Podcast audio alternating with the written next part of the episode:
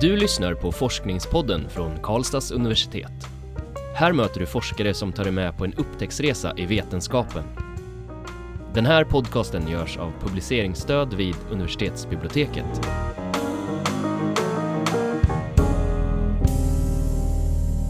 Hej och välkomna. Mitt namn är Magnus. Och mitt namn är Nadja. Och det här är det 21 avsnittet av Forskningspodden och eh, med oss i dagens avsnitt har vi Pernilla Andersson eh, som nyligen försvarade sin doktorsavhandling i psykologi. Varmt välkommen Pernilla. Tackar. Eh, din avhandling heter Changing the Servicescape, the influence of music, self-disclosure and eye gaze on service encounter experience and approach avoidance behavior. Vill du börja med att berätta lite vad den här avhandlingen handlar om? Mm, ja, lite. eh, ja, egentligen så hand, den handlar om hur eh, kunder påverkas i, av butiksmiljöer. Eh, och jag har då hur deras känslor och beteende påverkas. Och jag har då tittat på hur musik i butik påverkar dem. Och jag har även tittat på den här sociala aspekten av butiksmiljön. Där en säljare pratar om sig själv och delger personlig information till kunden hur man då uppfattar eh, säljaren, hur den är karaktäristiska och också vilka känslor och beteenden som uppstår hos kunden. Och sen har jag även tittat på hur ögonkontakt eller brist på ögonkontakt påverkar kunders känslor och beteende. Så det är i korta ordalag vad jag mm. tittar på. Mm. Vi ska fördjupa liksom innehållet i avhandlingen eh, som låter väldigt intressant och spännande. Men kan du berätta lite om hur du fick idén till avhandling? Vad är bakgrunden? Ja, eh, jag är ju eh, inriktad på socialpsykologi och det ligger nära till hands det här med påverkan och hur vi påverkas av den sociala miljön. Eh, men sen är det faktiskt eh, självupplevda situationer Där jag till exempel, när det gäller det här med musik, så blir jag själv väldigt irriterad över vissa butikers sätt att eh, spela musik. Eh, det var ibland, jag blev så stressad ibland så jag ville liksom lägga mig i en fosterställning. så jag tänkte, kan det verkligen funka det här? Alltså varför spelar de musik när det till synes verkar som att eh, det är inte så många som egentligen tycker om det? Alltså vad får det för effekter? Så då började jag titta på det. Men sen eh, var det också det andra, det här med självutlämnande information som jag Alltså allting handlar om att jag har blivit irriterad. Eh, men eh, jag märkte gång efter gång när man var ute i butiker och så här så märkte jag att eh, säljarna liksom började prata med mig som om jag vore deras allra bästa vän. Mm. Och då, då blev jag så här, eh, nej det är vi inte. Och det blir så här konstig stämning. Och jag kände att liksom det, eh, nej det kändes inte bekvämt och jag uppfattade den här personen som var, att den liksom var nästan oärlig och den ville manipulera mig på något sätt. Så. Så då började jag titta på det också då. Eh, och framförallt då är det bara jag som mm. är konstig och tycker så här. Eh, den sista där med ögonkontakt var också en, en grej som jag blir irriterad över. Eh, för det handlar om att jag var på en, det här var faktiskt en, en restaurang där vi stod och skulle få hjälp att få ett bord och vi såg att det var ganska mycket folk i, i, på restaurangen. Men så de personalen som jobbade där de hade, vi stod precis vid baren och de eh, tittade inte på oss överhuvudtaget. Mm. Vi stod där ganska länge och jag blev bara mer och mer irriterad. Liksom. Ni kan väl åtminstone titta på mig och bekräfta att, jag, att, jag, mm. att ni vet att jag finns där. Liksom. Bara den här lilla grejen gjorde då att, att jag sen bedömde min upplevelse, det efterkommande, på ett helt annat sätt än vad jag tror att jag gjort om jag hade fått den här ögonkontakten och mm. liksom bara bekräfta mig att jag här, jag ser ju att ni har mycket att göra men liksom bara se mig. Eh, så då började jag intressera mig av den. Eh, det är också då vilken kraft den här eh, det här lilla, lilla första mötet, vad det får för effekter på ens uppfattning om kvaliteten på servicen. Då. Mm. Mm. Det låter som ganska olika saker där med musik och ögonkontakt. Ja, och liksom, eh, hur, hur, gör man för att studera det rent vetenskapligt? Sådär? Ja, eh, musiken då gjorde vi så att vi faktiskt var ute i butiker och spelade olika typer av musik eller så hade vi tyst. Och sen så eh, fick kunderna fylla i en enkät om deras känslor och deras upplevelse av butiken. Eh, och det, det, är ju en jättefördel att man är på, live liksom på plats, man verkligen får eh, informationen så. Eh, men eh, det som kan vara problem också när man är live så det är att det kan ju vara massa andra störmoment som kan påverka utfallet. Kanske inte bara musiken utan det kan ju vara allting annat. Om man då jämför när man gör kontrollerade experiment. Eh, men vi ville bort från det där med kontrollerade experiment för det har man gjort ganska mycket om hur musik påverkar. Så, mm. så vi vill liksom ut i, i, ja, i det verkliga livet. Så. Mm. Men när det gäller eh, till exempel det här med eh, självutlämnande information eh, så hade jag ju helst velat eh, göra det live. Liksom. Kund möter en, en säljare. Så. Men problemet är att det är inte många företag som faktiskt vill låta sina anställda agera på ett visst sätt som mm. kanske får negativa effekter på, hos deras kunder som sen kan eh, ja, få negativa effekter för deras eh, business. Då. Så då använde vi scenarier, alltså textbaserade berättelser där kunden fick eh, sätta sig in i att vara den kunden och så fick man då läsa det och, och, och fylla i då ens uppfattning om säljaren och ens egen emotioner och eventuella intention, beteendeintentioner då ska vi säga.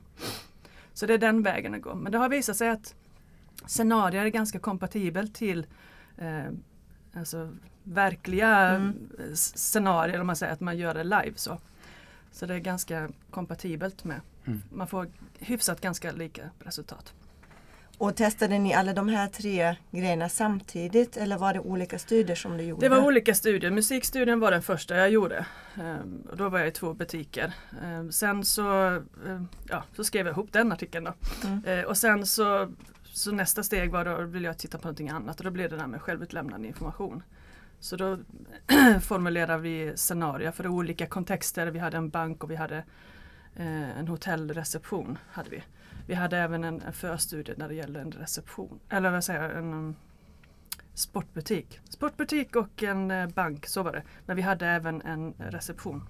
Mm. Jag har varit på må så många olika ställen så jag har svårt att läsa det. Uh, så den gjorde jag i nästkommande studie. Då. Mm. Och sen så var det blickstudien. Och i blickstudien så gjorde vi så att vi använde bilder plus eh, skriven berättelse. Mm. Och då hade vi en, en, bild på en person som tittade rakt på dig och så i berättelsen så var det också att kunder fick ögonkontakt eh, två eller tre gånger innan man ens fick kontakt med eh, själva säljaren. Och sen i, i, när man inte fick ögonkontakt så var det en, en, en, bild på en person som vände bort blicken. Och så var scenarierna beskrivna som att man inte fick ögonkontakt. Mm. Um, så det här, och det med, med ögonkontakt är ju så intressant för det, ens uppfattning påverkas av att innan man ens har liksom haft den här kommunikativa interaktionen med någon säljare så har man redan bestämt sig för att den där är mindre kompetent och den mm. är, inte så ärlig och så vidare. Mm. Så bara den här tiondels sekunden av ögonkontakt kan påverka jättemycket. Och kan man ändra uppfattningen sen eller är det svårt då? Det vet jag däremot inte. Nej. Men det första intrycket är ju väldigt starkt. Det tar ju cirkus tre sekunder för oss att bestämma oss vem mm. du är, liksom, det, första, det första intrycket. Så att eh, ja, kanske man kan ändra. Det beror okay. på hur lång relation man har. kan bli en nästa studie. Ja, jo, faktiskt det borde vara intressant också. Mm. Men vad är, vad är det viktigaste du har fått fram enligt dig? Oj. Ja, att det är väldigt roligt att forska. uh, ja, det viktigaste. Ja, det viktigaste som jag faktiskt tycker är um, som jag uh, har försökt att visa också med den här avhandlingen det är det att det är många företag som till exempel använder musik för att det har man hört någonstans eller alla andra mm. använder musik och så har man liksom inte kunskap om de faktiska effekterna utav det. Eller om musiken som man spelar ens anpassas för en ens eh, butikkoncept eller ens mm. image och vilka det är man riktar sig till. Eh, men man gör det bara för att alla andra gör det så tror man att man vinner fördelar. Um, och det finns ju en risk där att man faktiskt eh, utvecklar kunder som blir extremt stressade eller mm. att man, man väljer bort dem för att det, det funkar inte för dem. Och samma när det gäller det här med att vara personlig. Det var också någon sån här trend som man märkte blir mer och mer vanligt. Liksom såna säljcoacher som liksom var personlig så säljer du mer. Mm. Liksom, för det är, en, det är en, en, en vanlig psykologisk mekanism när vi ska skapa vänskapsband eller vi ska försöka bygga relationer så använder man det här för att liksom lita på varandra. Att man, jag delger information till dig så del du, information till mig. Och så bygger man liksom en fördjupad relation genom det. Mm. Då, då gäller kompisar eller när man söker partner eller långvariga vänner. Liksom. Och, och då applicera det här och det funkar. Liksom. Hö en högre grad av gillande uppstår när jag berättar någonting om mig själv. Så berättar du någonting om dig och så känner vi att fan vi är lika. Det är jättebra det här. Liksom. Det funkar i de, de eh, situationerna men sen att bara överföra det utan liksom att tänka efter vilken kontext man applicerar det på kan ju få förödande konsekvenser, vilket min, mina studier visar också.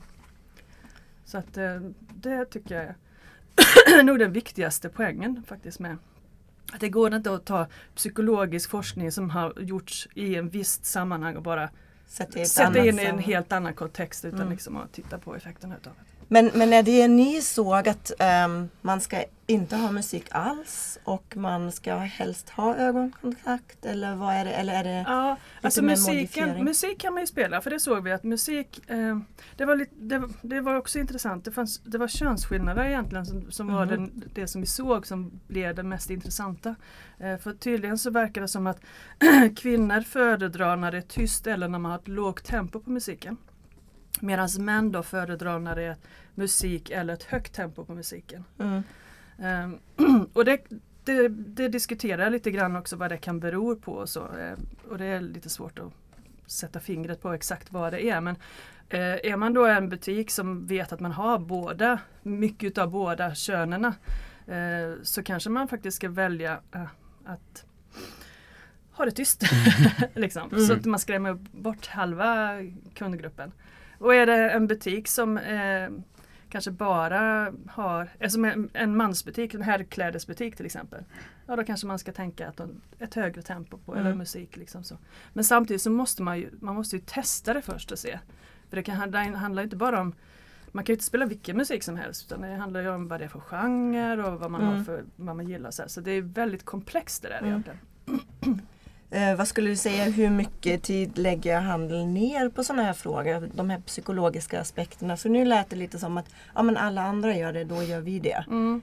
Eller sker det någonting liksom på ett övergripande plan? Jag tror att det är väldigt olika. Eh, vissa företag är ju väldigt eh, intresserade av vad som händer med, i forskningen. Så.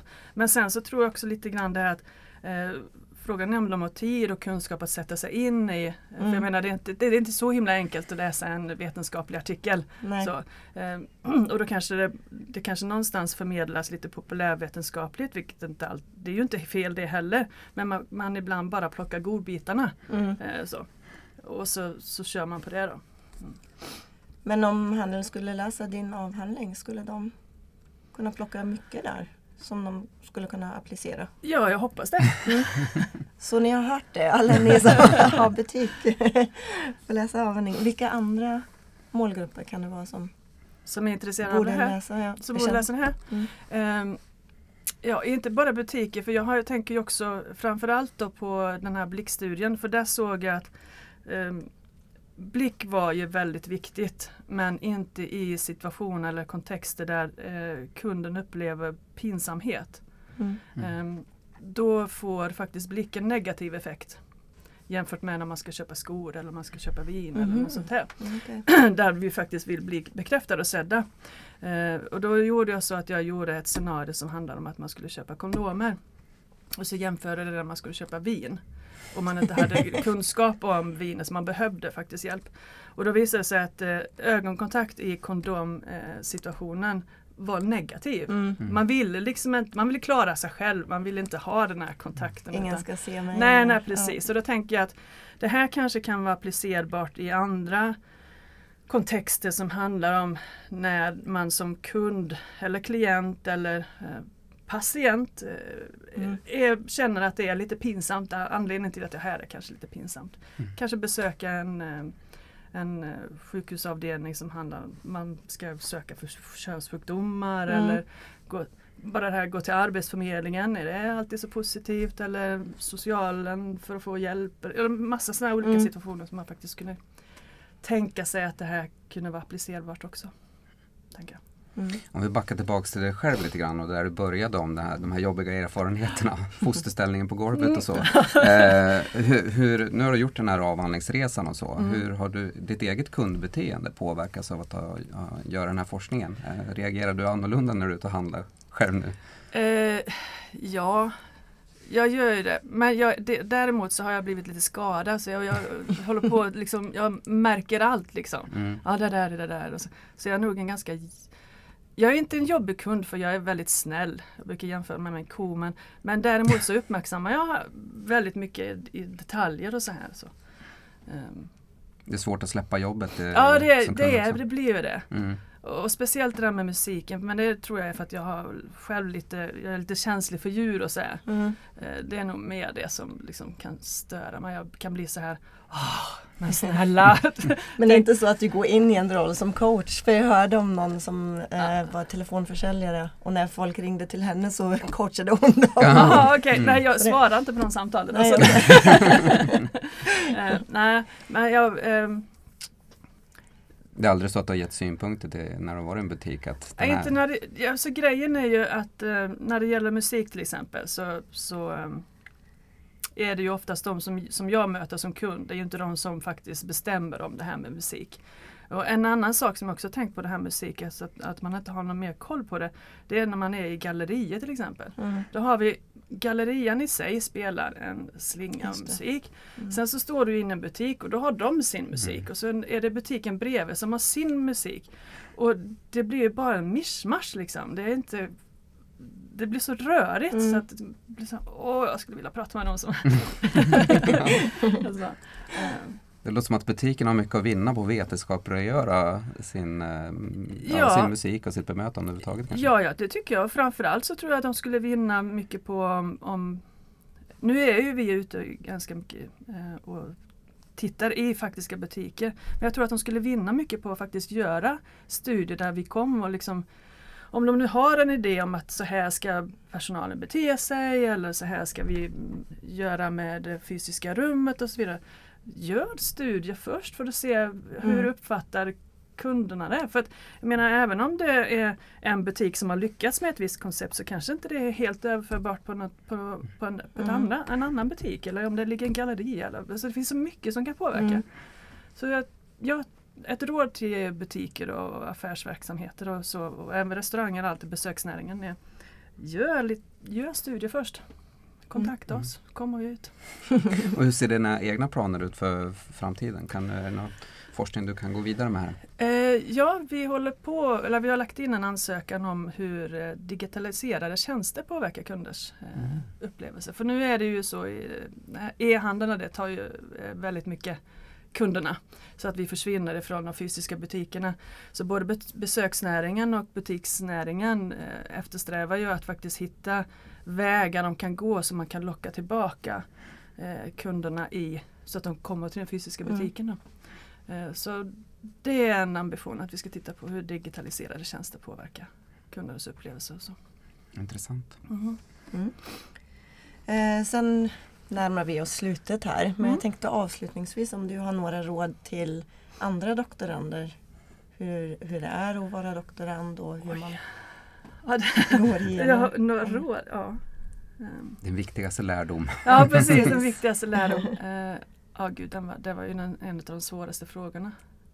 Jag tror att jag, eh, jag ens hade kunnat svara på på min disputation.